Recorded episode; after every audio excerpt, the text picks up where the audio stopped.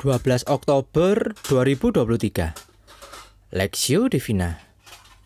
Roma pasal 12 ayat 9 sampai 21 Hendaklah kasih itu jangan pura-pura. Jauhilah yang jahat dan lakukanlah yang baik. Hendaklah kamu saling mengasihi sebagai saudara dan saling mendahului dalam memberi hormat Janganlah hendaknya kerajinanmu kendor. Biarlah rohmu menyala-nyala dan layanilah Tuhan. Bersukacitalah dalam pengharapan. Sabarlah dalam kesesakan dan bertekunlah dalam doa. Bantulah dalam kekurangan orang-orang kudus dan usahakanlah dirimu untuk selalu memberikan tumpangan. Berkatilah siapa yang menganiaya kamu. Berkatilah dan jangan mengutuk. Bersukacitalah dengan orang yang bersukacita, dan menangislah dengan orang yang menangis. Hendaklah kamu sehati sepikir dalam hidupmu bersama. Janganlah kamu memikirkan perkara-perkara yang tinggi, tetapi arahkanlah dirimu kepada perkara-perkara yang sederhana. Janganlah menganggap dirimu pandai. Janganlah membalas kejahatan dengan kejahatan. Lakukanlah apa yang baik bagi semua orang. Sedapat-dapatnya, kalau hal itu bergantung padamu, hiduplah dalam perdamaian dengan semua orang.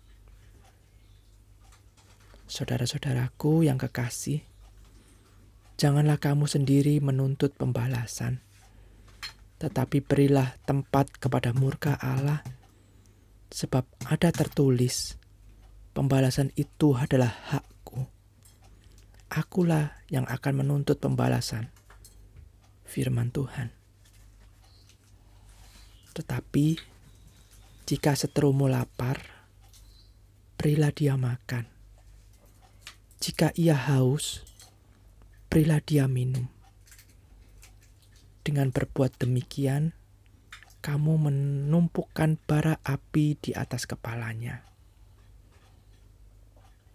Janganlah kamu kalah terhadap kejahatan, tetapi kalahkanlah kejahatan dengan kebaikan. Hidup sebagai orang beriman perspektif. Janganlah membalas kejahatan dengan kejahatan, lakukanlah apa yang baik bagi semua orang. Roma pasal 12 ayat 17.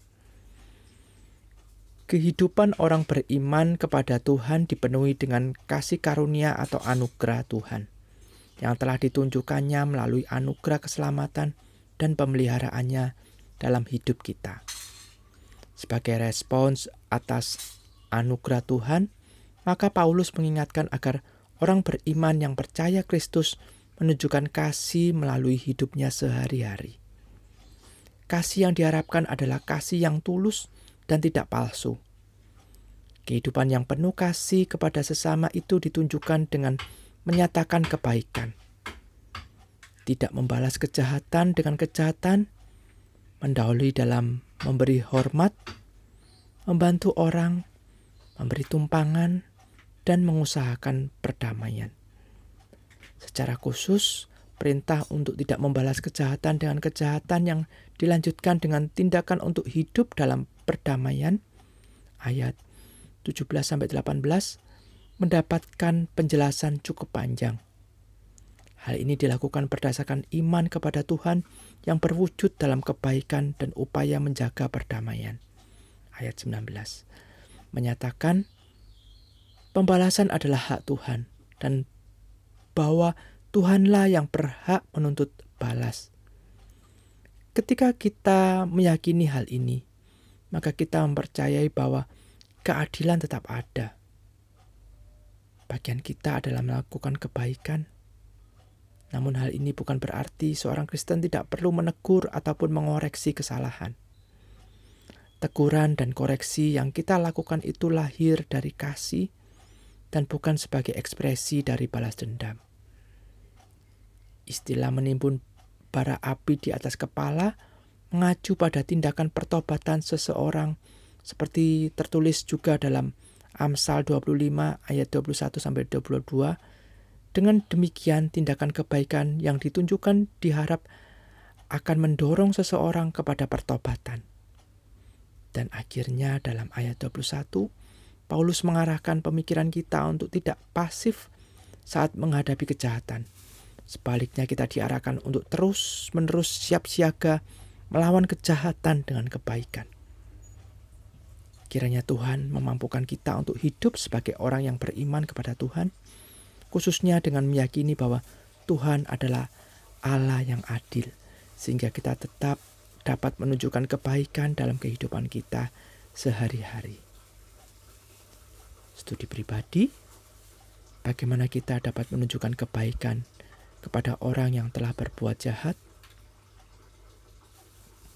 Apa yang memampukan kita membalas kejahatan dengan kebaikan? Pokok doa, berdoalah agar Tuhan melembutkan hati Anda. Sekiranya ada orang yang telah menyakiti Anda atau berbuat yang kurang patut terhadap Anda.